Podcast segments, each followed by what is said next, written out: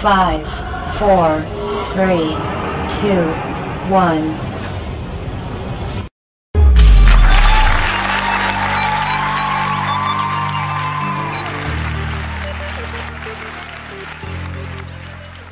Halo, baik lagi di podcast cerita hari lu gua Dad Maju di sini. Hari ini gue mau bicarain soal bagaimana cara kita ngatasin stres nih, khususnya di sekarang-sekarang ini di mana kita lagi menghadapi kondisi yang namanya wabah corona ini kan. Nah, gue nggak sendirian di sini. Hari ini gue ditemenin sama dua orang. Yang pertama mungkin dua orang udah sering dengar kalau dua orang dengar podcast gue uh, dua dua tiga episode belakangan ini ada Erik di sini. Hai Erik. Halo, Ji. Ya, nah sekarang bintang tamu berikutnya ini temen gue dari gue masih SMP. Nah, gue akan kenalin dulu. Di sini ada Adoniram. Hai Dok. Hai, Nah, halo. kita sebelum mulai podcast tentang tema hari ini, paling kita coba ngobrol dulu sama Ado nih. Kita pengen kenal Ado lebih lagi kan. Dok, boleh tau nggak, lu ini sekarang kerja apa kuliah nih? Em, gua saat ini masih bekerja lagi. Itu biasa, masih udah lama di salah satu bank BUMN di Indonesia. Sekarang gua Oh. jabat sebagai lead engineer IT, Sebagai Ya. apa? lead engineer Lead engineer. Oh, mantap. Wah, lead engineer. Gila, gila, gila. Gila. Uh, kerjaan gua itu ngejaga layanan e-channel agar dapat melayani nasabah selama 7 kali 24 jam. Berhubung gua bank, jadi gua sebutnya nasabah ya. Hmm, oke oke oke, mantap mantap. Uh, Maaf nih, po- potong dikit, potong dikit. Yang biasa ngambilin duit-duit nasabah dikit-dikit itu ya? Tahu aja lu. Aduh, lu Gua- masih kaya lo. gue barusan bilang bagi-bagi gue dikit dong. Enggak lah bro. Ya. Kalau Iya. yang namanya perusahaan financial itu eh, apa namanya governmentnya sama eh, mitigasi resikonya ini ketat banget sih. Jadi Oh.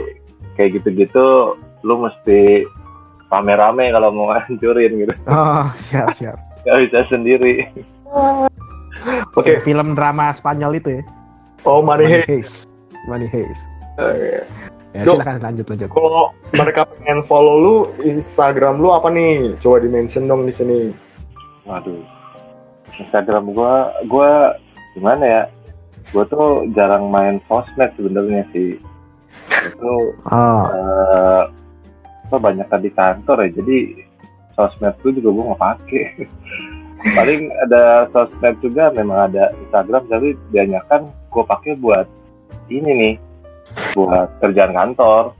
Karena kan ceritanya gue perusahaan eh, BUMN gitu harus ada culture lah. Culture itu kayak kegiatan budaya lah di kantor. Nah itu karena sekarang zamannya milenial Ah. quote, itu jadi kita disuruh buat eh, Instagram gitu. Buat pekerjaan ya. Tapi Mm. Ado ngomongnya pelan, tapi gue tertusuk sih. Gue kayak berasa bukan orang kantoran, jadi gue banyak waktu buat pegang sosmed. Salah juga ya. berarti Ado, Ado tuh punyanya LinkedIn. LinkedIn, Nah, LinkedIn. Iya, Mungkin kalau LinkedIn ada kali ya. sosmed profesional. Iya. Uh, thank you Moso buat lo yang udah temenin gue. Sekarang gue pengen ngomong nih sama kalian kan. Mungkin kita sedikit refresh tadi kan ada udah ngomong kan soal background pekerjaannya. Kalau lu Rick, gue boleh tanya ya background pekerjaan lu apa sih gitu? Oke, oke. Sekarang nih gue IT juga sama, tapi bagian gue IT support. Eh gue salah satu software house ya, yang kita tuh ngebikin aplikasi untuk eh, broker saham. Jadi apli- aplikasi-aplikasi mereka tuh yang desktop, yang mobile, sama webnya itu kita yang provide untuk mereka pakai, untuk mereka dagang. Gitu. Oke. Oh jadi buat itu tersedia di maksudnya di Android tadi di iOS juga ada ya? Iya, di di Android, di di Play Store-nya sama di App Store-nya Yes, itu ada. Atau Oh, mungkin mau versi lain lagi ya, mungkin bisa. Kita tinggal ngomongin aja maunya gimana. oh jadi maksudnya nggak Gak jat- jatuhnya itu juga jadinya ke software house gitu buat kembangin software yang lain juga bisa ya tempat lu ya. Eh, sementara ini sih khusus untuk eh, saham, belum ada yang lain. Cuman nanti ke depannya mungkin nambah sih. Ke arah bank juga atau gimana kita belum tahu. Cuman kalau sekarang memang masih di saham. Oh masih saham ya, oke. Iya. Masih di ranah saham ya kalau gitu ya. Nah kalau Ado kan tadi udah cerita dia uh, lead engineer support ya Do ya. Hmm, hmm. Nah, gue pengen nanya nih sama lu orang berdua nih kan kita eh, bertiga nih lagi di rumah masing-masing nih ceritanya kan. Nah, selama lagi corona ini kan kita ngelakuin PSBB, self quarantine atau social distancing orang mau bilang. Nah, lu orang biasa ngapain aja sih waktu lagi di rumah ini? Meja siapa nih? Eh, mungkin gue tanya ke dulu dah. Oh, Hmm. Silakan Rick. ya silakan ya. Se- seperti biasa, kita work from home kan, kerja dari rumah. Ya, ya kerja. Gue sih yakin eh, apa persentase kerjanya 30% eh, main 70 sih. Eh, gua gua sih kalau kerja 100% Ji. Oke. Eh, hari Senin 10%, hari hari Selasa 20. Nah, pokoknya seminggu 100% di total. Jadi hitungannya per minggu ya, ada bukan per hari lagi kalau selesai. ya. Iya, 100% per minggu sih. ya, Oke. Pak, ya gimana? Jadi ya paling kerja kan Hmm. sam- sambil mungkin eh, kegiatan rumah juga kan. kegiatan sih rumah biasa di rumah ini eh, jujur gue kadang di rumah suka jadi kurir juga kan nganter barang, ngambil titipan. Nah, itu masih jalan tuh. kurir dadakan Satu- Iya, kayak- satu-satunya yang punya kendaraan soalnya. di pembantu dadakan juga sih. Ah, Kurir tuh maksudnya kurir tuh kayak Gojek gitu ya? Bukan, kayak misalnya nih eh, nyokap itu kan. Eh, Oh. ambilin ini dong di rumah si tante. Ah, ntar gua jalan. Jem- jemput sini dong, jemput. Supir juga, kurir juga. Oh, Kadang pembantu pembantu dadakan juga. Bohlam putus, ya lu pasang dah tuh. iya iya. Kayak kayak Iya kan? driver dadakan, kurir dadakan, pembantu dadakan apalagi. iya. Mau apa namanya? Mau nolak nggak enak kan? Wah gimana? Paling nunjuk-nunjuk komputer. Eh, bilang, udah ntar aja dulu. Ya udah. Cuman pas lagi lakukan kan mikir kan, wah si bos marah nggak nih ya gue tinggal bentar ya. Buka-buka dia nggak tahu gitu. Tapi pernah nggak sih lu lagi maksudnya doing your uh, errands, gue bilang ya, Hmm, mbak ada kerjaan gitu. Waduh, pernah nggak kayak gitu? ada. Bahkan hampir hampir apa ya? Hampir sering juga gitu kejadian. Contohnya gini contohnya. Eh market market dagang itu kan bukanya kan jam 9 kan Hah? untuk untuk orang-orang. Nah, kita kan harus standby harusnya sebelum jam 9 dong. Betul. Jadi kalau ada kalau ada masalah nih, kita bisa handle. Nah, masalah jam 9 juga adalah jam nyokap gua aktivitas. Ya kan? Pasti nganterin dia dulu tuh pas pagi. Kadang gua banyak-banyak doa, moga-moga pagi nggak ada masalah, lancar gitu. Udah jam 9 gue bisa antar dulu, pulang ke rumah kan sekitar setengah 10. Kalau lancar udah kan, anggapnya nggak terjadi apa-apa. Tapi kalau tiba-tiba masalah dicari-cariin, ya gue cuma bisa ngomong bentar ya dicek dulu padahal gue nganter dulu gitu kan Hmm. gue ngomong dicek gue nganter nah tapi gue lempar juga ke grup gitu eh tolong dong ini dicek gitu Oh, ya selama ini sih masih Oh. bisa dihandle untungnya masih bisa diatasi lah oke oke. Eh, maksudnya problemnya belum terlalu berat banget sampai lu harus standby full ya. ya mungkin kalau emang bener-bener berat itu gue ngomong sih sama orang rumah tolong gue jangan diganggu dulu nih lagi urgent urusan kantor sehari gitu Hmm. ya mereka pun ini sih apa namanya menghargai juga oh ya udah nggak apa-apa gitu urusan kantor beresin dulu Demi masa depan yang cerah ya, Rick, ya. Masa depan yang cerah demi sesuap nasi. Oke. Eh, ada lagi nggak ke- kegiatan yang lain yang lo lakukan? Oh, yang tadi baru sebutin. Hmm, selain work from home ya, ya sebenarnya gimana ya? Kadang juga kalau biasa kan gue ngantor itu kan pagi ngantor, sore pulang, udah dong paling di rumah ya browsing browsing, nonton, apa, makan, guling-gulingan di kasur. Ya ini ibaratnya ditambah work from home aja jadinya. Jadi sambil gue ngerjain apa, kalau bosen ah gue tidur tiduran dulu lah gitu kan, main HP, terbalik lagi ke komputer. Oke. Uh, kalau lu dok, lu selama social distancing ini, lu di rumah, lu biasa ngapain aja sih gitu, buat ngisi hari-hari lu? Hmm. Sama di rumah ya. Ah, Sama di rumah gue ngegemukin badan bos. Gila naik berapa, dipotong.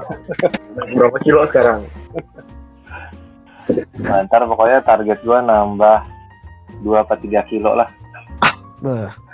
Gila, tapi pokoknya demi kerukunan kita bersama nanti pas kita ketemu setelah corona keluar, jangan pernah ada nih, kalau tambah gendutan ya, berantem gitu. Tapi apa ya, kayaknya sih ya selama WFA ini gue malah nggak nggak nambah berat loh. Kok bisa? Karena karena gini, kalau di kantor itu kan pertama makannya kan beli di luar kan. Ah. Pors- porsinya suka-suka gua dong. Oke. Belum na- belum nambah cemilannya kalau gua stres kan. Orang kita stres makan gimana? Oke. Lah kalau di rumah makanannya terbatas, Bro. Ya, Oh, gitu ya? makanan makanan rumah. Cemilan mana ada? Sorry kalau, kalau boleh tanya, berarti selama social distancing ini, lu di rumah masak sendiri, belum pernah delivery gitu? Eh, kebanyakan sih eh, rumah gue tuh nenek nenek gue masih masak. Jadi masih masakan rumahan. Oh, lu pernah sampai di titik lu bosen nggak lu makan makanan rumah lu pengen sesekali ngedeliver ah gitu? Pernah, pernah. Cuman kebijakan rumah gue selama social distancing ini nggak boleh, bener-bener nggak boleh ada makanan luar gitu. Even delivery nggak nggak dikasih. Wah, oke, oke, oke. Jadi bener pure lu hanya boleh makan masakan di rumah aja ya? Yes, betul. Oke, oke. Sekarang gue mau balik lagi nih ke Ado nih. Tadi lu kelar. Lu biasa ngapain aja nih, Dok, di eh, rumah selama PSBB ini? Selain kerja ya, gue tau lu pasti kerja nih. Enggak sih Ji, tadi itu gue bercanda doang. Apa? Ngegemukin badan tuh sebenarnya bercanda doang sih. Oh, sih ya tetap aja gue tapi karena tadi kalau si Erik itu uh, susah makan di rumah kalau gue kebalikan. Uh, nenek gue kan pinter masak tuh kan. Suka masak. Dan dia kan udah nggak kerja gitu kan. Jadi dia senang masak di rumah. Jadi kalau gue di kantor tuh ya karena gue ngirit kali ya. Jadi paling sehari tuh paling makannya sekali aja kali. Apa paling dua kali lah kalau temenin makan siang makan siang sama makan malam. Nah kalau eh, di rumah gue malahan jadi makannya banyak. Sarapan pagi-pagi dikasih makanan. Ntar siang dikasih makan siang lagi belum belum sore dikasih cemilan buah. Terus udah malam disuruh makan lagi. Jadi gue bisa sehari bisa tiga kali empat kali. Yang tadinya dua dua kali kan. Oke gue bilang buset nih makan mulu nih. Pusing gue kalau di rumah. Gila. Rumah lu terima ini nggak delivery? Gua gua mau dong di deliveryin. boleh sih nanti panggil Erik aja ke rumah gue sih kurir dadakan lagi boleh, boleh. Bo- boleh, boleh. Asal dikasih bonus, boleh, boleh. boleh boleh jadi Selain itu ada lagi nggak? Dok? eh, apa ya sama sih sama Erik tadi ya sebenarnya actually eh, berhubung kerja gue di bidang IT ya jadi sebenarnya eh, kerjaan gue tuh banyak dibawa ke rumah sih jadi emang kerjanya itu kan bisa VPN kebetulan kan Oh. beda kalau kayak orang mungkin sales gitu kan atau customer service yang mesti face to face sama nasabah Cuman kalau gue kan biasanya urusannya sama sistem atau mesin. Oh. Jadi eh, sebenarnya bisa bawa ke rumah gitu. Jadi di rumah juga tetap work from home gitu. Tapi kalau kalau ada problem yang terjadi di lapangan karena lu berkaitan dengan sistem, lu tetap bisa handle itu, lu bisa remote itu dari rumah atau lu memang harus on-site buat ngeberesin perkara ini? Perkara dong. Eh, sampai sekarang, eh, fortunately nggak ada problem yang eh, apa ya, nggak ada yang big problem lah yang gue temuin sih. Paling eh, isu-isu kecil lah yang gue ketemuin sampai sekarang karena memang kebijakannya eh, manajemen dan eh, kita juga sepakat untuk changes changes eh, dalam arti gini kalau ada problem umumnya itu ada ada campur tangan manusia lah dalam arti ada perubahan fitur nambah fitur atau eh, upgrade atau apa yang terkait dengan maintenance gitu. Nah di selama WFH ini kita dikurangin yang kayak gitu-gitu Eh, changes-changes nambah fitur nambah produk itu dikurangin Hmm. jadi umumnya lebih fokus ke eh, maintenance harian aja yang rutin Oh oke. Yang Gitu. penting jadi aman lah Ya. relatif aman yang penting sistemnya nggak crash. Jadi untuk saat ini nggak perlu nambah fitur dan yang lain-lain dulu ya. Nah, nah kira-kira oke. gitu Nah, gue pengen tanya sama lu orang berdua nih kan eh, seperti yang tadi kita udah mulai bahas di awal kan kita lagi bicara soal PSBB, self quarantine atau social distancing. Hmm. Which is mungkin kita udah di rumah 30-an hari kali ya kurang lebih ya. 30 hari nah di sana kan mulai terjadi nih gejala-gejala stres mungkin udah terjadi ya. Mungkin buat orang-orang ekstro stresnya mereka adalah wah nggak bisa ke mana-mana, nggak bisa ketemu siapa-siapa, ketemu juga via IG segala macam kayak gitu doang. Nah, gue pengen nanya nih sama lu orang berdua, Eh, gimana sih cara lu orang stres di masa-masa seperti ini gitu? Maksudnya karena corona ini ya. Tapi gue juga pengen intermezzo dikit dulu. Gue juga sebenarnya kemarin ngalamin stres sih. Stresnya itu karena gue introvert. Stresnya gue itu bukan karena gue nggak bisa ketemu orang, gue nggak bisa ngobrol, enggak. Karena gue bisa, karena gue bisa, ya itu gue udah puas dari WhatsApp, telepon, itu udah cukup buat gue. Gue bisa main, bisa apa-apa, gue udah cukup. Yang bikin stres buat gue adalah gue harus berhemat dong rupanya. Gue harus berhemat, gue harus eh, mendivide kebutuhan gue, prioritasin yang mana. Jadi gue nggak bisa beli beberapa barang yang gue memang apa pengen, gue pengen uh, pengen dan butuh. Kalau cuma pengen doang kan ya gampang lah ya. Tapi ini gue pengen dan butuh sih. Wah, Jadi Wah, Bisa beli barang-barang itu itu gue stres pengen istirahat. Gue setiap kali ngeliat Iya, barang ini gue langsung mikir berkali-kali. Gue harus prioritasin buat bulan depan dulu, bulan depan dulu, bulan depan dulu. Nah gimana kalau kalian berdua nih? hmm. dari Ado dulu deh, maksudnya gimana sih cara lu orang ngatasin stres selama lu harus stay di rumah terus menurut versinya lu orang gitu. oke Eh, gimana cara tanya gimana cara ngatasin stres ya Iya, i versinya lu deh, lu biasa nggak? gue Kalau lu selama di rumah 30 hari kayak gini. Oke, eh, menurut gue berhubung gue sebenarnya nggak beda jauh sih sama lo. Gue tuh orangnya introvert ya. Jadi eh, menurut gue work from home ini blessing sih buat gue sebenarnya. Jadi Gue juga. jadi yang tadinya gue di di kantor itu eh, kerjanya tuh rame banget, Eh, peak lah gitu kan. Sehari itu kayaknya nggak cukup banget 24 jam gitu. Gue butuh ti, eh, apa namanya kerjaan gue tuh banyak banget mesti kerjaan ini itu meeting sana kemari gitu kan. Terus eh, dan banyak banget ketemu orang sehingga exhausted diri gue gitu kan. Jadi habislah tenaga gue gitu. Nah, dengan kerja dengan adanya pandemik ini, gue ngerasa mulai kecas lagi gitu kan, mulai ngecas lagi.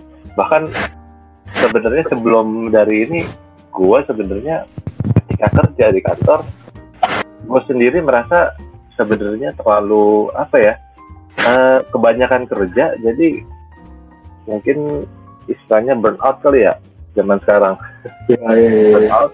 Nah, jadi mulai kayak oke gue kerja kayak eh, ngikutin arus aja gitu kan.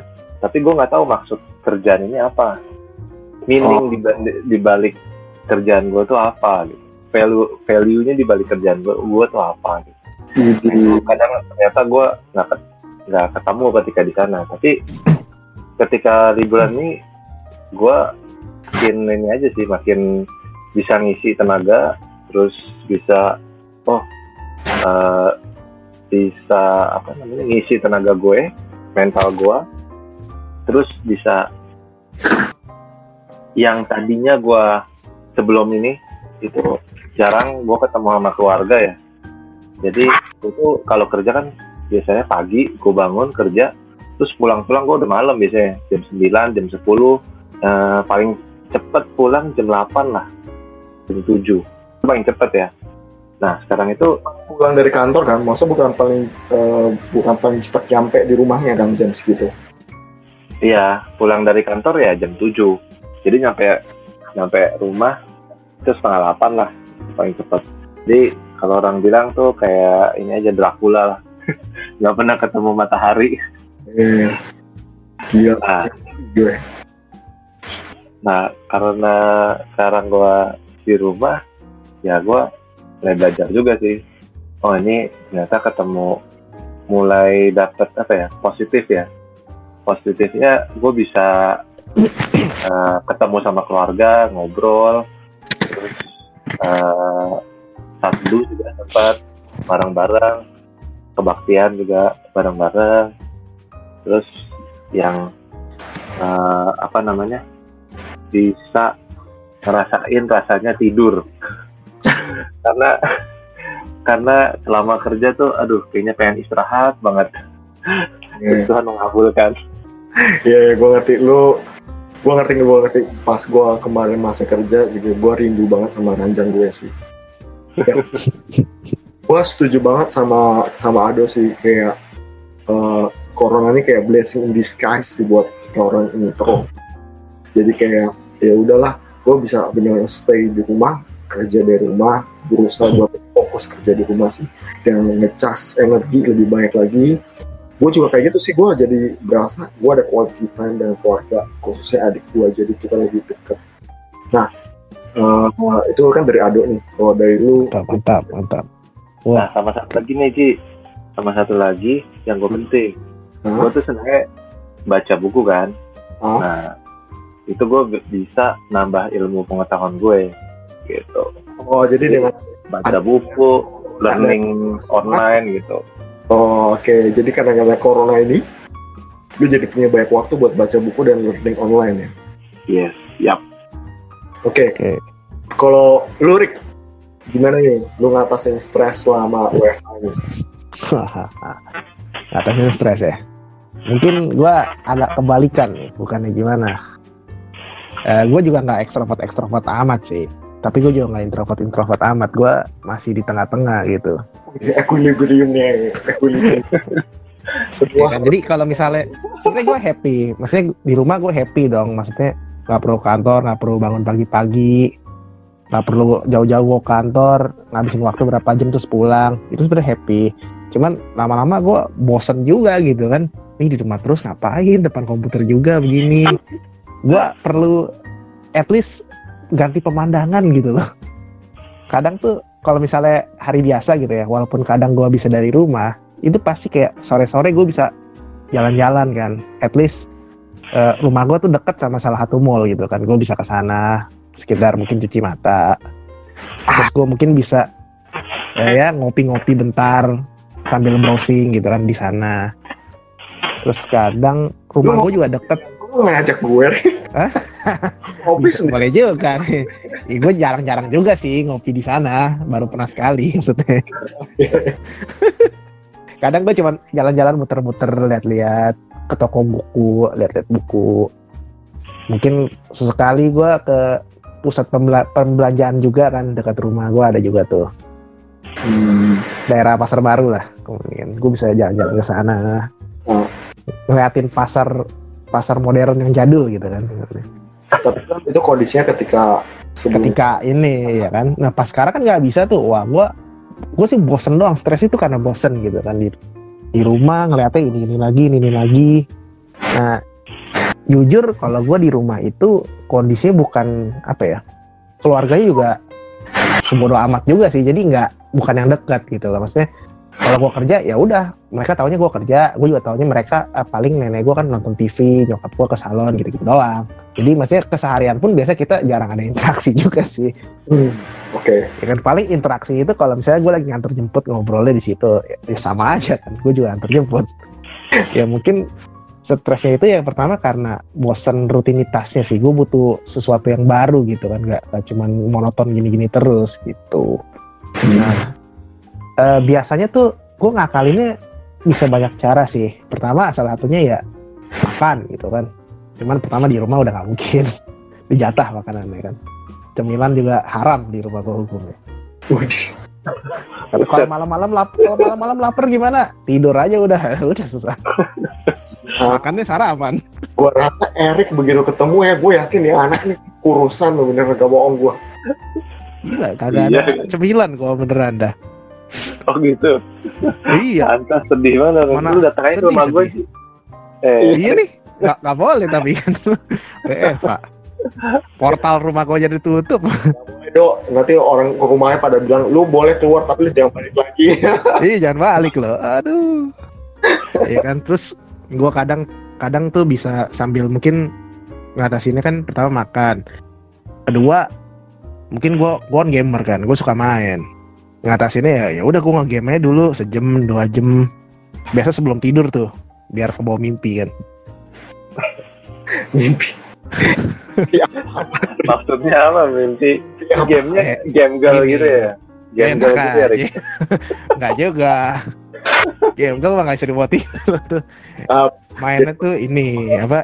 yang Kalau misalnya lu mentok nih, mentok nggak bisa jalan, lu tidur besok besok kepikiran tuh, oh iya caranya begini gitu kan. Bukan bukan Kadang- maksudnya bawa mimpi itu yang eh, apa cewek-cewek yang 2D-nya jadi 3D gitu. Wah, aduh. Serem juga tuh. Belum separah itu kayak levelnya tuh. ya kan, belum belum. Cuman ya apa boleh kata komputer rusak gitu kan gua wah harus harus bersabar dulu pakai laptop kantor gitu kan Oh. memainkan apa yang ada ada teknologi terbatas Lu pakai paling kantor mainnya. Nggak ya laptop kantor sih laptop gue juga cuman emang speknya nggak gede Gue pikir laptop dari kantor lu pakai buat main game luar biasa. aduh ya, ya senior senior gue begitu kok senior gue oke oke oke. bahkan senior gue happy banget kalau laptopnya rusak langsung rembes kantor diganti Diganti Oh, iya. laptop sama kantor. Ya, di- pernah kejadian pernah kejadian jadi laptopnya kesambar geledek kan Hah? sambar geledek Gila gitu. nyala Laptop bisa kesambar geledek. Bisa Eh, dia sama bilang sih- routernya routernya di rumah kesambar Hah? ngerembet ke laptopnya. Nah, Oh. cuman berhubung bos gua jago juga teknisinya, si bos bisa benerin. Nah, cuman kesempatan si bos benerin punya dia, ya punya dia jadi dipakai programmer sekarang. Untuk dia dikasih lagi yang baru dari kantor. Wah, enak banget. Wah gila enak banget.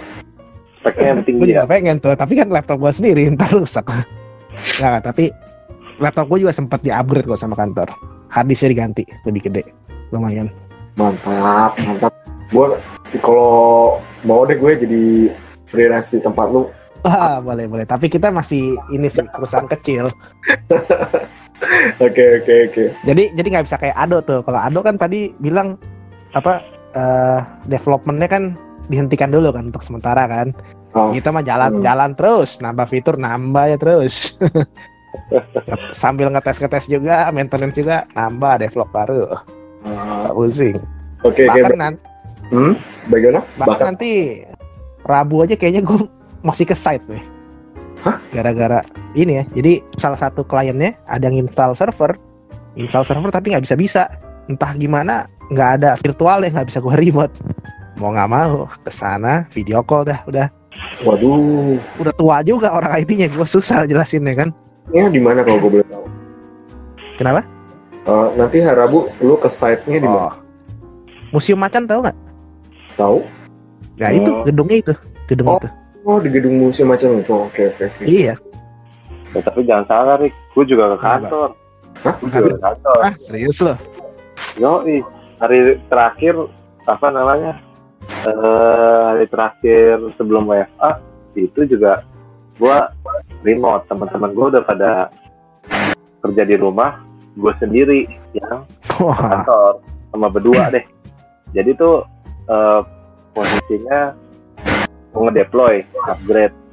Nah, Terus itu yang lain udah pada di rumah, kan gak ada yang di kantor dong. Nah, supaya ngejaga karena pertama kali ngedeploy lewat VPN lewat remote. Ya gue juga parno juga kan. Wah. Mungkin apa enggak nih? Kalau enggak bisa digantung gue. Nah jadi Apa tuh? gue sendiri kantor tuh. Gue kantor sama satu teman gue. Bagian deploy juga buat tahun ini. Nah di sono tapi yang ngerjain expertnya SME nya itu di rumah remote. Gue di kantor ngejagain uh, PC Oh, biar biar, biar bisa biar ini apa takutnya di restart kan nyala lagi. iya jadi kayak ngejagain hostnya lah jadi jam host kan nge-remote Hmm. uh, nge-remote ke satu host uh, PC di kantor ntar yang lain kontrol dari situ Hmm, Saya. iya. gitu. Nah kalau jaga-jaga biar koneksinya stabil lah. Jadi kalau lagi loading nih, tiba-tiba eh, yang remote itu linknya putus kan bisa ntar ngulang lagi dari awal atau nggak korup. Nah, gua ada PC di kantor tuh. Jadi orang remote ke PC kantor itu, baru dari situ connect ke server. Jadi kerjaan gua ngejagain tuh server, eh ngejagain tuh PC supaya tetap up. Ya kayak Nah. ngejagain inilah lilin, lilinnya babi Iya ngepet. iya. Lilinnya di server ya, babinya digital. Emang seperti kata lo Rick, dia memang ngambilin sekian iya persen. dia ngambil duit ya. Aduh, itu do, itu dosa besar itu do. Dosa Oh, kalau iya. nggak berbagi. Dosa kalau nggak berbagi itu. Oh iya, iya, iya. harus bagi, harus bagi, harus bagi. Lagi. Eh, kalau udah bagi nggak dosa ya. Iya kan Oh, bareng-bareng kita ya. kan eh, Money Heist inget dong. Ohio nih, Ohio. Wih deh. Lu semingguan ini masih tetap datang ke kantor. Setelah PSBB diumumkan, lu masih datang ke kantor. Nah, ya gue penasaran juga tuh. Semingguan ini gue karena hari hari Sab eh hari Senin hari ini gue belum kantor. Tapi minggu lalu gue sempat ke kantor kali. Jadi eh, kan gue punya laptop ya, laptopnya udah jadul dari tahun berapa ya? Empat tahun atau lima tahun lalu gitu. Nah, jadi selama WFA ini ceritanya di kantor gue itu kan nggak semua pegawai dapat laptop ya. Jadi kerjanya tuh banyak kan pakai PC, desktop. Jadi hanya pegawai-pegawai terpilih. Wah. Eh, nah, hanya beberapa pegawai yang dapat laptop. Ya, jadi kita jabatan dia udah di mana ya para pendengar luar sana. cukup tinggi sepertinya ya. Nah, jadi gue pesen laptop, gue pesen laptop eh, untuk dibagi-bagiin sama tim gue gitu. Hmm. Nah, Tapi- singkat cerita, Maksudnya gue kayak, oh, oke. singkat cerita udah selesai semua, laptopnya kelebihan. Nah, gue ke kantor, gue mau ngambil laptop karena speknya lebih tinggi daripada laptop gue existing. Jadi Loh, ya gue bisa main game lah. Di kantor ada berapa banyak laptop yang tersisa? eh buat tim gue atau buat ini nih? Eh, buat tim lu dulu deh, ada berapa banyak laptop yang tersisa? Kalau tim gue tuh eh, sekitar pesennya ya sekitar 15 lah. 15 sisa laptop yang tersisa. Heeh. Oke, Nah. tolong besok ambilin gua dua, satu buat Erik, satu buat gua, oke? eh, gua tiga dong, buat gua jual lagi dua. Ini Tapi maksudnya gue, boleh boleh boleh boleh. maksudnya gua, lu ke kantor cuma ngambil laptop kan? Lu bukan harus kerja lagi kan? Eh, sebenarnya ada yang kerja di kantor tetap. Eh, jadi gue dibagi dua. Namanya kalau di kantor tuh skeleton team. Bahasa Indonesianya pejuang pejuang company gue. Oh, oh. Tapi Jadi kantor lu tahu kan maksud gue si pemerintah udah ngumumin selama PSBB hanya berapa sektor yang boleh bekerja atau beraktivitas yang di luar dari, dari beberapa sektor tuh nggak boleh atau izin usahanya bisa dicabut. Eh, kantor lu pernah dengar berita kayak gitu kan? Nah, kebetulan eh, udah tahu peraturan itu. Nah, kebetulan eh, company gue kan termasuk salah satu dari delapan sektor itu kan. Kan Oh. keuangan buka, Ji. Oh, Keuangan. Oke. Nah, jadi ya tetap kantor. Tapi walaupun begitu tetap dikurangin sih. Bagus Jadi, bilang gue baru pengen bilang keuangan buka gue baru pengen bilang oke dok lu ngapain besok masih di rumah oh sana ke kantor sorry ya Ya tapi apa ya? Kalau dari klien-klien gua tuh yang saham itu mereka dijatahin. Jadi seminggu itu eh, di shift shiftin. Misalnya orang shift satu cuman masuknya tuh Senin, Rebo, Jumat. Nah, bisanya shift 2 Jadi pengurangan karyawannya disetengahin gitu loh. Oke Cara mereka mengakali begitu. oh di tempat lu juga berarti lu kena shift shiftan ini Oh enggak, kalau tempat gua kan gua kan cuman software house kan. Oh. Itu ya full dari rumah. Oh, oke. Nah, terus kan kita tadi udah bahas nih cara lu orang ngatasin stres. Nah, ya, gue pengen dong. Oke, lu orang udah kasih tahu nih kan cara ngatasin stresnya.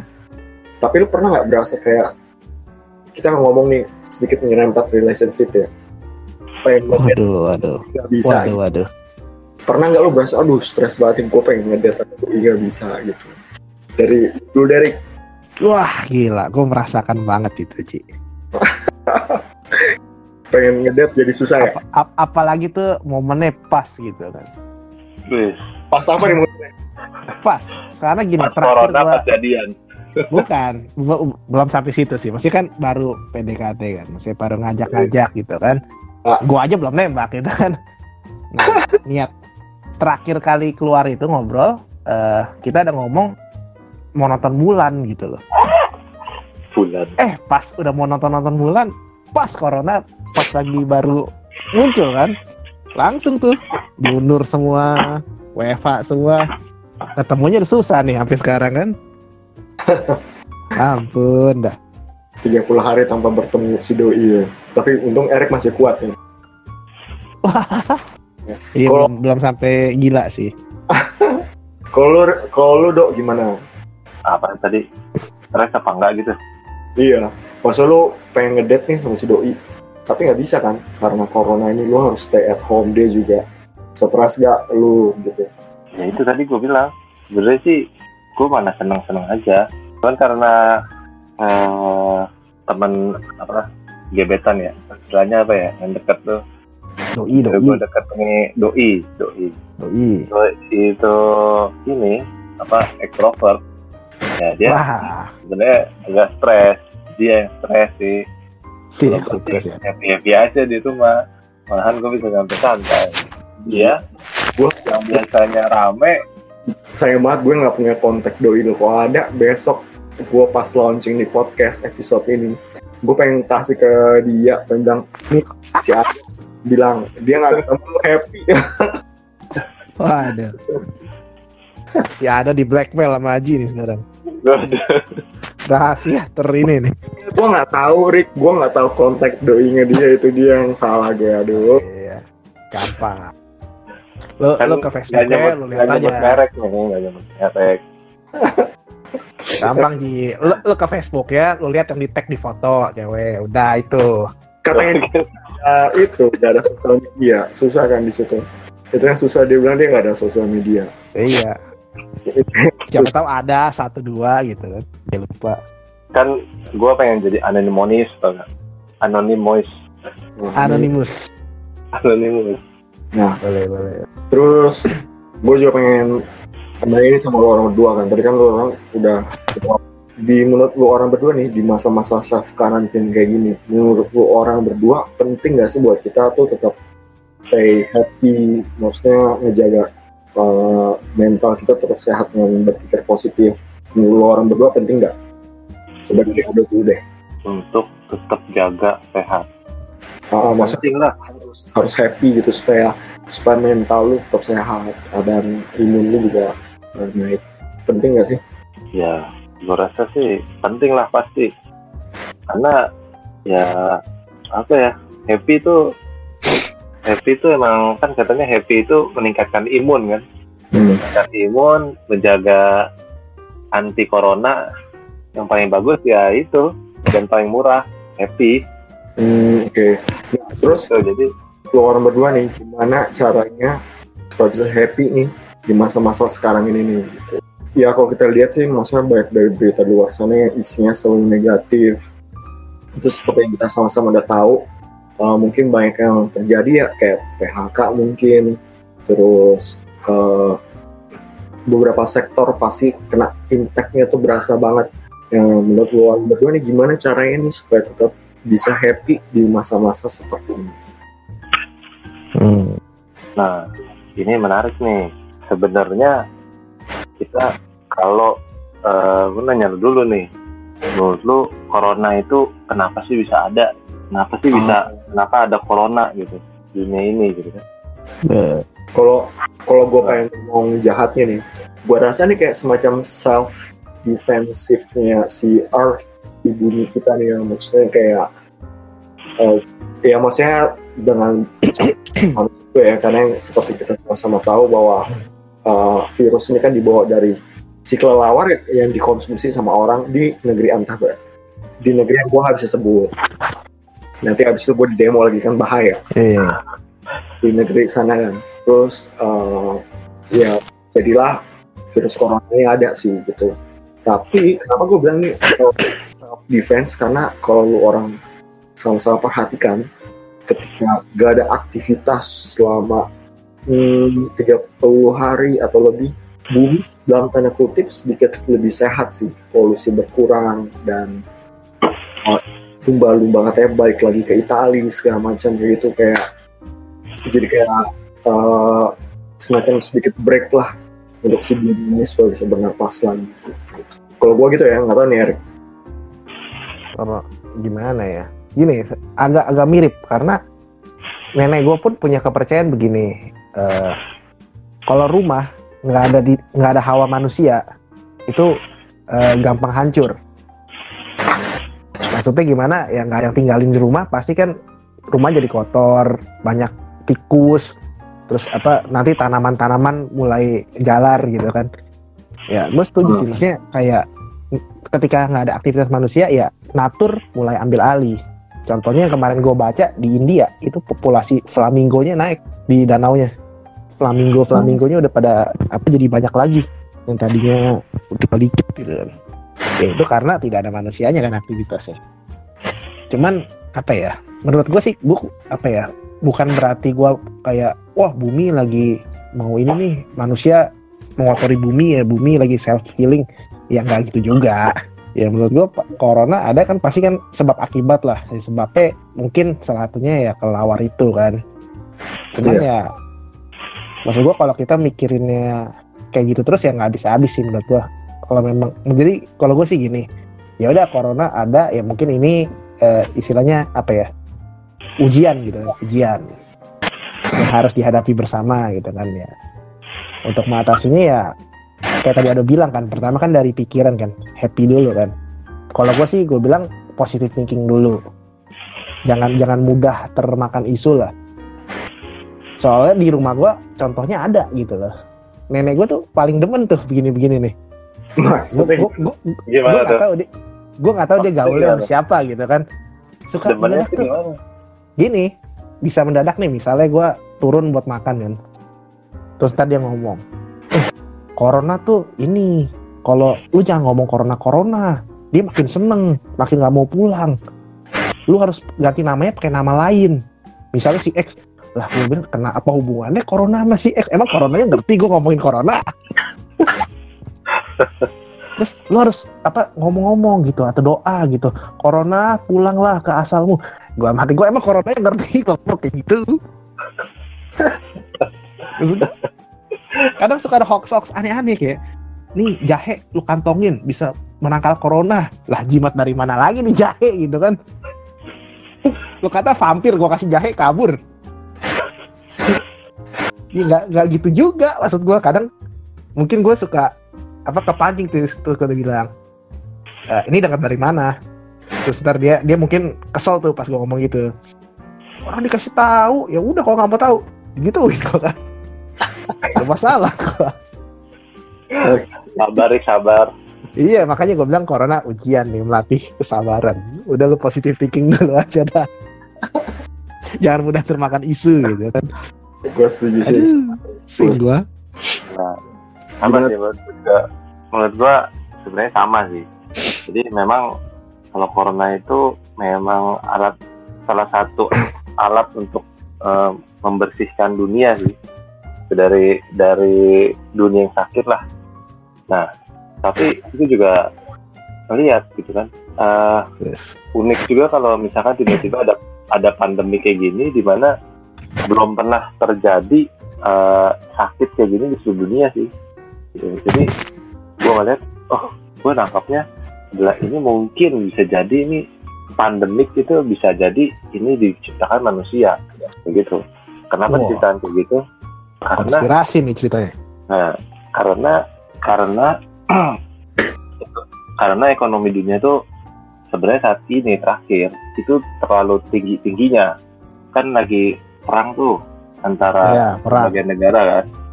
Si Amerika lah sama si China lah gitu kan. Nah ini sama-sama sama-sama adu kuat nih. Cuman cuman ngadu kuat udah nggak ada space lagi buat buat bertumbuh. Selain ntar bisa jadi perang cuy. Selain jadi perang senjata kan gitu lebih bahaya kan. Iya Nah, sih. kalau perang cuma dagang misalnya perang dagang ya dagang sampai apa? Paling ngeblok ngeblokkan kan misalkan nih di Amerika gua nggak mau pakainya barang Cina.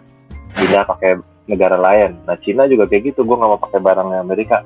Tapi kan sampai sampai mana gitu kan? Ending endingnya Oh, nggak tapi- selesai kayak gitu. Bukannya emang China begitu ya? Maksudnya dia kan produknya dalam negeri semua kan?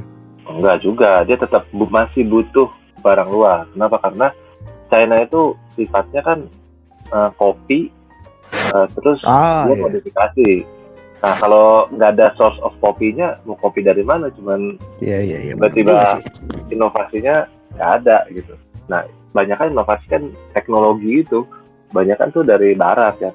Betul. Nah, jadi saling Ah. membutuhkan lah kedua-duanya. gitu.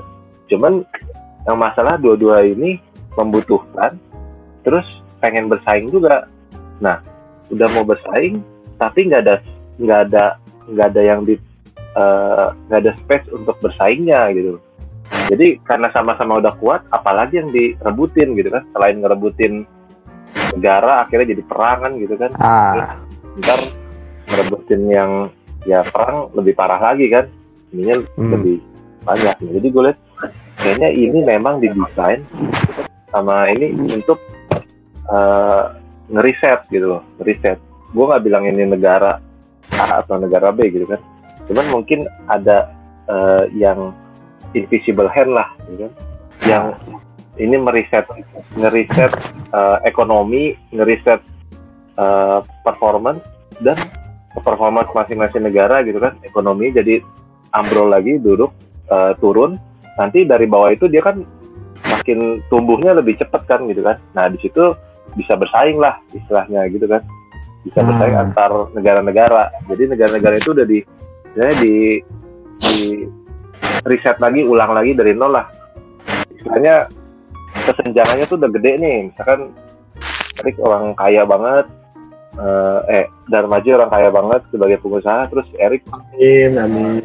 waduh, waduh. si Erik yang ini nih pegawai. Pegawai nggak akan Ah. bisa ngalahin pengusaha kan? Gitu aja terus selama-lamanya. Iya, iya, iya. Nah, di sini saatnya di riset. Terus udah gitu kedua arahnya kan baru nih gue lihat.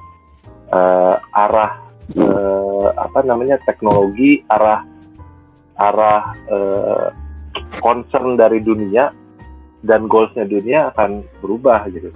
Dan habit orang akan berubah gitu. Maksudnya berubah Iya. seperti apa nih maksudnya lu? berubah. Nah, contohnya begini. Kalau zaman dulu itu orang kan nggak kenal kalau beli barang pasti ketemunya fisik kan. Yes. Nah, Semuanya by fisik gitu kan. Ketemu mau beli makanan ke pasar, mau beli handphone ke pa- ke mall gitu kan. Terus Mhm. kalau mau bayar bayar apa namanya? Bayar listrik, bayar air itu biasanya ke ke ini ke bank atau ke ke pumpnya lah gitu kan. Kecuali Mhm. nah mulai bergeser tuh bergeser ke anak-anak milenial kan. Anak milenial udah mulai pakai. Cuman anak milenial ini kan cuma pengguna. Jadi mereka itu nggak punya uang untuk eh, uang untuk pakai terus gitu loh untuk mengenerate sesuatu yang baru. Nah itu makanya dibutuhin orang-orang tua kan. Orang-orang tua ini adalah orang-orang yang mereka punya uang tapi mereka masih menggunakan eh, teknik yang lama gitu, cara yang lama. Nah itu dengan adanya dengan adanya pandemik ini, yang lama itu akan mulai berubah dan ngeh gitu. Wah ternyata cara-cara yang baru itu eh, kita ternyata kita harus mulai pakai cara yang baru karena di tengah di tengah apa pandemik ini cara lama itu udah nggak kepake lagi ketemu orang Hmm. terus jualan ke orang itu udah nggak efektif lagi. Kalau gue nggak pindah nggak berubah jadi jadi eh, mengikuti teknologi mengikuti zaman gue akan terti- tertinggal. Gitu. tertinggal dan dan bisnis gue akan hancur semua gitu kan. Makanya dan hanya itu caranya orang-orang yang udah eh, berumur 40-50 tahun ke atas bahkan 60 tahun kayak Warren Buffett terus si Bill Gates itu kan orang-orang berduit kan orang-orang yang milioner lah. Milioner. Itu kan masih pakai cara lama kecuali Bill Gates lah ya. Karena dia teknologi kan. Pemimpin teknologi. Itu masih pakai cara lama gitu kan. Nah akhirnya dengan cara ini mereka mulai ngeh dengan tahu dan kenal dengan teknologi yang baru ini dan perusahaan-perusahaan yang mengadopsi teknologi akan lebih cepat eh, grow grow itu eh, bertumbuh gitu kan Hmm, tapi permasalahannya sih dok, kalau dari yang lu opini lu ya, gua memang ngelihat bahwa memang ada orang-orang yang berusia tertentu yang lu udah sebutin. Tapi permasalahannya adalah orang-orang yang usia senior itu dari sudut pandang cerita lu atau opini lu adalah orang-orang yang punya uh, power nih atau punya dana yang besar gitu. Tapi nggak semudah itu juga sih untuk maksudnya bisa mewujudkan hal ini kan. karena nggak usah jauh-jauh deh kita lihat dari negeri kita sendiri aja kan maksudnya ada juga orang-orang yang uh, usianya seperti itu juga usia senior atau mungkin masih muda tapi karena keterbelakangan pendidikan yang sangat jauh mereka nggak ngerti gitu maksudnya untuk memanfaatkan teknologi sampai sejauh apa jadi buat mereka muncul sebuah teknologi baru tapi mereka nggak mengerti dan nggak berguna untuk pekerjaan mereka atau apa itu juga susah sih. Makanya sebenarnya gue melihat bahwa ya ini apa yang lagi terjadi sekarang adalah pedang bermata dua sih. Jadi gue pun ngerti gitu dari sudut pandang bapak presiden kita yang terhormat gak bisa tuh eh, langsung bilang wah lockdown dah gak bisa karena nanti takutnya orang-orang yang eh, finansial menengah ke bawah kalau maksud mereka nggak terbutuhi kepenuhannya bisa terjadi chaos kayak gitu juga jadi memang Hmm. ya sih, ini pedang bermata dua sih. Kita akan lihat ke depannya akan seperti apa. Kita berekspektasi juga sih bahwa apa yang lu tadi share opininya bisa terjadi. Amin. Kita aminkan itu juga sama-sama. Tapi kita juga harus mendukung pemerintah dan segala organisasi dan segala orang yang ter- terkait untuk hal ini buat mereka juga harus coba lihat nih ada orang-orang yang tadi gue udah sebutin sih menengah ke bawah hmm, Hmm. pendidikannya nggak terlalu uh, maksud belum pernah mengenyam pendidikan yang uh, semestinya nah maksudnya harus diperhatikan dari sisi sana juga sih gitu. tapi eh, sorry dikit nih tapi kalau lu bilang menengah ke bawah sebenarnya gue gue ngelihat bahwa walaupun mereka menengah ke bawah eh, istilah Cina tuh ada kalau krisis tuh wei ce artinya tuh katanya wei itu bahaya tapi ada opportunity. Itu opportunity di situ. Nah Hmm. untuk yang kelas menengah itu sebenarnya kan mereka sudah mengadopsi tapi setengah-setengah. Contohnya misalnya kayak tukang gojek. Itu kan udah ngadopsi tuh. Tapi ada juga yang jualan warung pinggiran. Nah itu kan belum ngadopsi kan. Dan warung pinggiran nggak akan ngadopsi eh, gojek lagi gitu kan karena nggak pakai eh, teknologi. Tapi dengan gojek ini orang-orang gojek kan terbantu gitu. Orang-orang gojek ini walaupun dia kelas menengah ke bawah dia akan punya kesempatan untuk grow lebih bagus lagi karena dia menggunakan teknologi. Beda kalau yang eh, apa namanya misalnya cuma warung gitu kan mungkin akan susah gitu kan untuk Tapi- cari makannya. warung juga udah pakai sih dok. Kayak GoPay, OVO kayak gitu-gitu kan sebenarnya warung ya ya kita berharapnya semoga di masa depan terlepas dari kejadian corona ini akan ada sebuah pertumbuhan yang menuju ke arah positif sih. Jadi maksudnya ada orang-orang yang atau organisasi yang fokus juga dengan lapisan menengah ke bawah ini, fokus buat ngomongin mereka juga gitu kan. Jadinya Hmm. ya benar-benar bisa lah namanya bahwa setiap orang bisa dapat pemerataan baik dari pendidikan, teknologi, eh, dan maksudnya pekerjaan juga pastinya sih. Nah anyway kita baik lagi ya. Eh, seru banget nih topik yang tadi kasih sih dok. Sorry opini yang tadi lu kasih. Gua nanti akan coba bahas opini lu ini ke dalam satu episode yang berbeda lagi. Tapi kita Oh, iya. kan ma- maksudnya ke sini. Nah, eh, kalau menurut lu, tadi lu belum jawab sih, maksudnya gimana caranya sih buat lu bisa happy di masa-masa seperti ini? Gitu. bagaimana bisa happy Ah, ah, maksudnya kan supaya mental kita tetap positif, tetap kuat gitu kan, supaya imunnya kita juga bisa eh, jauh lebih kuat lah gitu. Ada kalau ada saran atau tips gak gitu? Apakah kita harus berolahraga atau belajar atau upgrade diri jadi begitu kelar corona ini skill yang lebih kalau gue sih eh apa ya walaupun gue WFH kayak gini dan PSBB tapi gue jadi eh, mungkin tetap ini kali ya sarannya buat teman-teman ya tetap mungkin olahraga lah ya penting sih kayaknya entah di rumah atau eh, ya pasti di rumah lah ya nggak mungkin ke mana-mana tapi at least tetap eh, berolahraga sih karena gue ada sendiri olahraga ekstrim yang baru sih. Erik sama Ado lu mau join nggak? Kita maling jemuran aja. Mantap gak? Ah, angkat jemuran ya ekstrim juga tuh ya. Dapat item terus jadi sehat karena kita harus jogging kan sambil dikejar dikejar fans. Bapak gimana? apa lu bilang Pas jemuran lagi ya, disuruh pakai Oh, masker. jemuran. Jadi dapat item terus Iya. dikejar sama fans. Sehat kita jogging juga kan. Anjuran Iya, pemerintah iya. juga pakai masker. Wah, Iya, iya. cocok. Itu ketutup semua malahan. Ketutup semua. Oh, bisa jangan ada yang lihat sih. Oke. Iya, betul.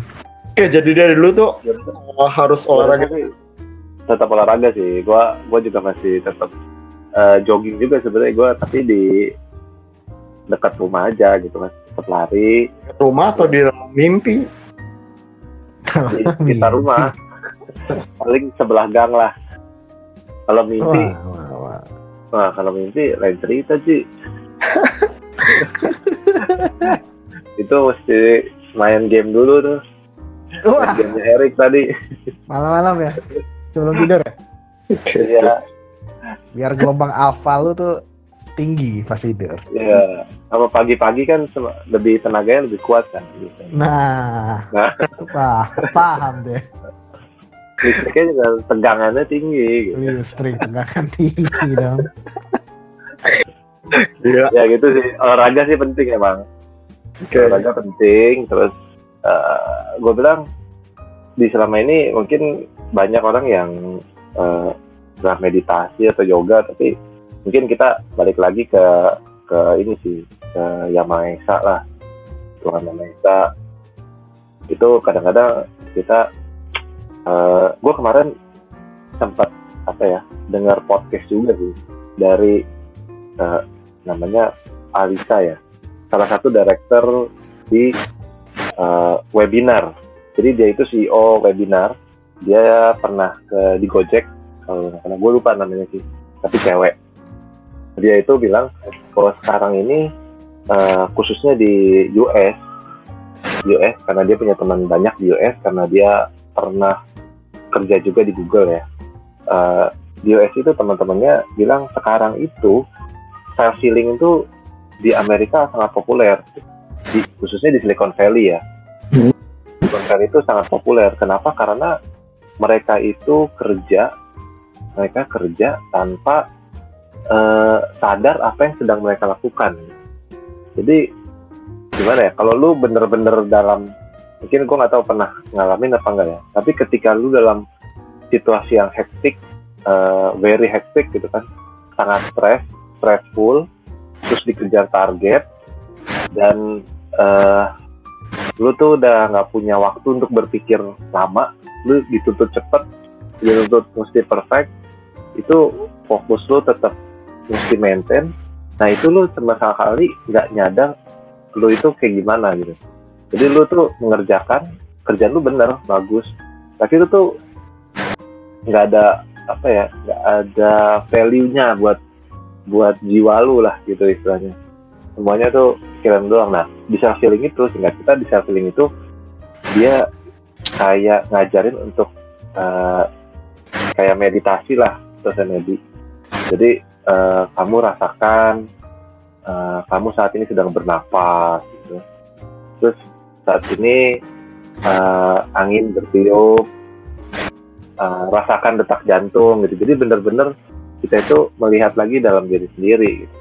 nah itu ternyata itu mungkin salah satu hal positif ya yang kita bisa ambil dunia ini terlalu sibuk kan Hmm. kita mungkin perlu balik lagi ke eh, pencipta kita gitu. Oke. lebih mengarahkan diri ke sana gitu Gua sih udah sih udah meditasi waktu gua ngebayangin waifu gue gitu ya. Asik. Ini nih gak sehat. Tapi apa nenek gue pun menyarankan seperti itu. Suatu hari pernah gitu. Dia bilang, Rick, lu kalau sempat meditasi lah. Meditasi gimana? Gue bilang, ya lu duduk aja bersila, lu rasa-rasain napas. Lah gue kalau kayak gitu bablas tidur jadinya. Kagak meditasi. Gue juga nggak Niat, iya kan niatnya gue meditasi jadinya time travel gue ke masa depan itu. Dua jam. Iya, iya, betul. Gue juga jadinya time travel gitu. Anyway, uh, thank you Ado, thank you Eric buat temenin gue di sesi kali ini. Uh, ada yang lu pengen sampein lagi ke para pendengar kita uh, buat penutup di sesi ini? Ada? paling gua tambahin dikit lah ya tadi kan maksudnya Ado kan ada mention kan kayak meditasi olahraga tapi mungkin kan banyak orang juga yang yang mungkin mikir kan maksudnya apa sih kok olah- olahraga meditasi kan nah kalau menurut gua simpelnya itu adalah eh, gini gini. Mungkin ini kesannya aneh cuman ya kalau gue pikir-pikir bener juga. Gue pernah denger eh, salah satu tokoh lah ngomong gitu kan. Mau tahu nggak kuncinya biar selalu sehat? Jangan sakit. Lah gue mikir biar sehat jangan sakit ya masuk akal. Nah ini juga sama. Mau tau nggak biar lu bahagia? Jangan stres. Nah stres itu kan pasti kan datang banyak macam dong dari kerjaan bisa dari kondisi sekarang bisa ya kan? Tekanan lah istilah dapat tekanan orang pasti stres lama-lama. Kondisi keluarga juga bisa. kondisi ditanya- keluarga bisa ya kan? Gitu kan. Aduh. ya mungkin. Nah kalau menurut gue sih untuk mengatasi stres itu hmm, banyak macam. Cuman yang paling basic adalah eh lu lakukan yang lu suka. Lu nggak usah terlalu mikirin apa yang penyebab stres lu itu intinya lebih ke love what you do lah. Love what you do and do what you love gitu kan.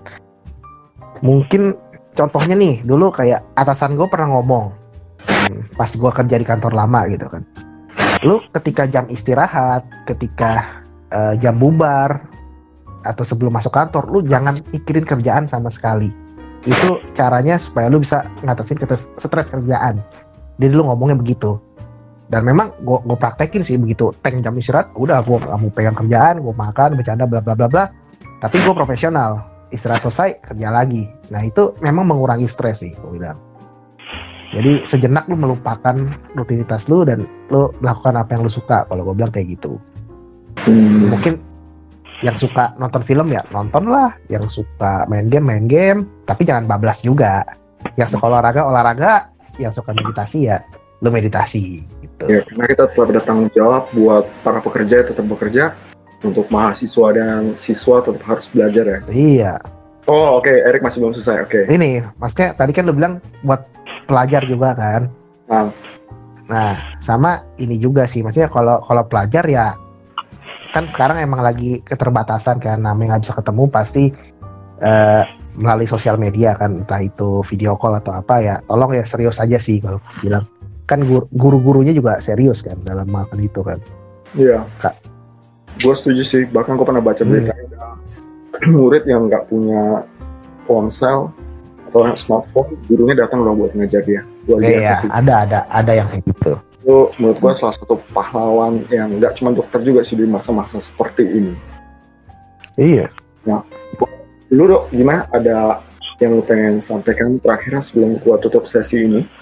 um, gue sih ya pesan buat teman-teman sih kalau untuk di saat kita stay at home ini selain tadi olahraga dan ini ini ya mungkin secara garis besar gue bisa simpulin sebenarnya kita menuju dunia kreatif ya. Kita kreatif jadi arti kreatif itu adalah melakukan eh, hal yang di luar eh, nggak terpikirkan sebelumnya. Nah untuk mencapai tak terpikirkan sebelumnya kadang kita itu harus perlu melakukan hal yang tidak rutin gitu. Tidak rutinitas. Nah, sesuatu yang berbeda yang kita lakukan. Misalkan tiap hari sesuatu yang berbeda. ya, Apa? habit kita udah biasa tuh. Bangun tidur mandi pergi kerja kerja makan siang istirahat dan terusnya sampai malam kita tidur kan pulang kerja tidur. Nah kalau sekarang eh, kita keluar dari kebiasaan itu terus eh, mungkin kita dikasih kesempatan nih sama eh, Tuhan yang di atas gitu untuk Mencoba sesuatu yang baru ya. mencoba sesuatu yang baru kita eh, isi dengan hal-hal yang mungkin eh, berguna bagi kita entah kalian sukanya apa gitu kan olahraga yang suka olahraga ada yang bersa- ini lagi berdoa gitu kan Iya. Nah, tapi intinya ke depan itu kita eh, perlu eh, melakukan sesuatu yang berbeda yang yang mungkin di luar habit kita karena kita tahu eh, di depan itu setelah dari masa corona ini eh, stay at home selama 3-4 bulan mungkin ya. Kalau kita ngelihat di negeri asalnya itu habis itu gelombangnya bukanlah gelombang dari kita nahan sakit eh, eh, kita nahan penyakit lagi bukan. Tapi secara ekonomi udah udah hancur gitu kan. Mhm. itu kita ada harus memulai sesuatu yang baru di sana. Dan sesuatu yang baru itu pasti dunia kita akan berbeda bahkan kemarin gue baca salah seorang apa namanya antariksa itu namanya apa yang salah seorang as- astronot ya. NASA, Itu- astronot, apa? ya astronot itu dia baru pulang dari dari apa? Dari salah satu stasiun orang angkasa Ah, setelah 200 hari dia kerja gitu. 200 hari dia kerja di stasiun orang angkasa dia kaget begitu nyampe di dunia. Wah ternyata dunia itu benar-benar berubah dari yang sebelumnya itu dia berangkat 200 ha- hari yang lalu dia berangkat oh dia ngelihat dunia seperti ini rame gitu tapi begitu dia pulang bener-bener sepi jalan itu udah beda lah rasanya kalau lu lihat di Amerika di di sampai di seluruh dunia itu bener-bener sepi gitu kan kayak Iya. kayak kota mati lah gitu kan Iya. nah itu bener-bener pandemi ini merubah dunia gitu. jadi pesan gue sih eh, kita ini kesempatan kita untuk keluar dari habit kita kedua kita siapin diri untuk menghadapi eh, masa depan yang eh, jauh berbeda gitu dengan sekarang dengan Iya, iya. dapat sendiri dengan kreativitas kita itu aja sih Mantap. Mantap, thank you banget ya dok buat. Oke, stay health stay tetap sehat ya buat teman-teman buat lu semua apa lu pengen bilang health, stay survive, ha? Aduh. Kita lagi battle royal apa? eh, kita nggak tahu. Royal. nggak tahu loh abis, abis corona ini itu abis itu apa lagi gitu kan kita nggak tahu lagi ada apa gitu banyak Wah, itu kayak di film-film kalau lu pernah nonton apa sih Armageddon lah sama kayak gitu Armageddon. itu ya Armageddon tuh dunia kalau mau kiamat kan ya model-modelnya kayak gini-gini juga kan semua orang Iya. sendiri tak- dalam ketakutan gitu kan padahal kita nggak pernah lihat virus itu ada apa enggak sih gitu kan Hmm. bayangin itu kalau misalkan zaman dulu itu dibilangnya setan kali ya Hmm. tiba-tiba orang mati dia kan sesak Iya. apa dicekek setan kan Tapi kalau sekarang karena kita tahu virus ya virus ini kalau zaman dulu, dulu gue rasa Kenanya begitu ya. iya pasti bilang kok tiba-tiba dia sesak nafas terus meninggal pasti itu kan karena setan. Iya, dicek setan, ditekan nih kan. Makanya banyak doa-doa kalau zaman Iya, dulu. iya, Sekarang juga. udah maju kan. Teknologi. Iya. Dulu kepercayaannya animisme coy. Iya, Kayak begitu. betul.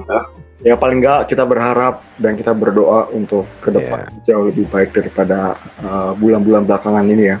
Kita masih ada harapan, masih ada sisa kurang lebih uh, 7-8 bulanan ya di 2020. Kita berharap Iya betul sekali. yang bulan-bulan akan datang akan lebih baik dari orang sebelumnya. Oke, buat para pendengar cerita hari lu, thank you banget buat udah dengerin dari awal sampai akhir episode kali ini. Nanti kita akan berjumpa lagi di episode yang lain. Kita akan bahas topik-topik yang lebih seru lagi. Stay tune di cerita hari lu. Jangan lupa juga follow Instagram kita di @ceritaharilu dan jangan lupa lu boleh se- komen atau kasih saran DM kita juga boleh lu mau kita ngebahas soal topik apa jadi kita juga pengen dengerin dari para pendengarnya kita kalau lu ada saran mau topik apa nih gitu oke thank you thank you juga Erik thank you juga Ado buat kehadiran Ayo, ayo. oke sampai Yoi bro. sama kalian ya dan sampai jumpa lagi untuk para pendengar cerita hari lu dadah Dadah. Bye. See you.